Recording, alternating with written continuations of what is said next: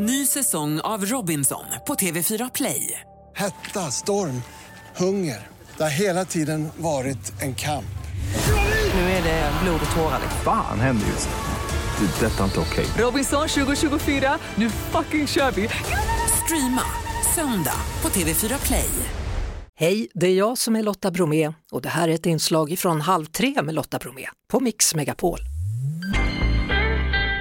Ni kanske har läst och hört om att det förekommer strider runt det ukrainska kärnkraftverket i Zaporizjzja, det som kallas för Europas största kärnkraftverk. Och för en stund sedan då så uppmanade G7s allas utrikesministrar, de uppmuntrade Ryssland att nu släppa ukrainska kärnkraftverket så att säkerheten kan återgå till normalt.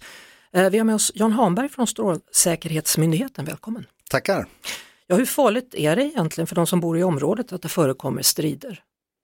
Men det är klart att det är allvarligt att det pågår strider runt ett kärnkraftverk. Även om kanske varken ryssarna eller Ukraina vill skapa en kärnkraftsolycka så, så pågår strider så vet man inte riktigt vad som kan hända. Nej, det, det talas om att det finns utbränt kärnbränsle där inne i själva byggnaden och att ryssarna har minerat hela kärnkraftverket. Vad är sant och vad är rykten? Ja, det vet väl ingen av oss vad som är sant och vad som är rykten. Men eh, det, vdn för eh, det ukrainska kärnkraftverket har ju sagt att eh, det är minerat eh, inne på anläggningen. Ja, så, så vad är det värsta som kan hända? En explosion eller? Nej, vi befarar inte en explosion. Det är inte det som vi tror eh, vid den, den värsta tänkbara liksom, olyckan som vi tänker oss. Det är att kylningen uteblir och, och då har man ett Fukushima-liknande förlopp med, med härdsmälta om, om det liksom inte går att hejda. Mm. Det har ju hänt tidigare då kärnkraftsolyckor i närheten av Sverige. Jag tänker på Tjernobyl till exempel som påverkade såväl svamp som älgjakt etc. i åratal faktiskt efteråt. Skulle det här också kunna få eh, konsekvenser för oss?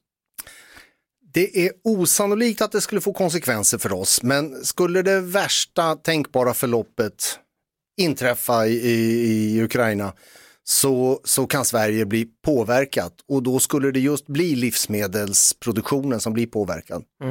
Hur går diskussionerna hos er på Strålsäkerhetsmyndigheten?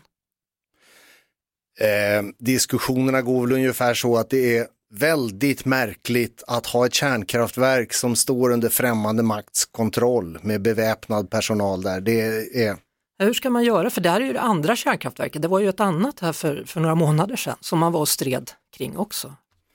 eh, du tänker på uppe i Tjernobyl eller? Ja, eh, där de höll på och så var det någon röd skog man pratade om och där var det strålning och där låg soldaterna i, belägrade och allt vad det var. Ja, det var uppe i, i Tjernobyl Ja. eh, i den regionen och där, eh, där finns det ju utbränt kärnbränsle finns på plats men det är ingen reaktor som är i drift där längre. Men det kan ändå sprida sig då som det tydligen gjorde så att de fick strålskador då, de ryska soldaterna. Ja, Ja. Eh, det var väl obekräftade uppgifter får vi väl säga. Det är alltid obekräftade uppgifter när det pågår ett krig. Oj, oj. Du, IAEA då, kommer de få göra en säkerhetsinspektion tror du av anläggningen eller hur ser det ut här framöver? Ja, det vet vi ju inte. Det är ju önskvärt att de får komma in och, och, och bekräfta vilken status som det är på anläggningen, men ja, man vet inte om de kommer få tillfället till att göra det. Nej, hoppas du att de får det? Ja, det vore bra om de fick.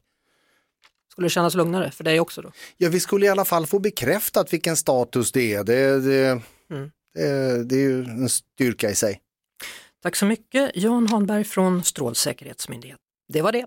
Vi hörs såklart igen på Mix Megapol varje eftermiddag vid halv tre. Ny säsong av Robinson på TV4 Play.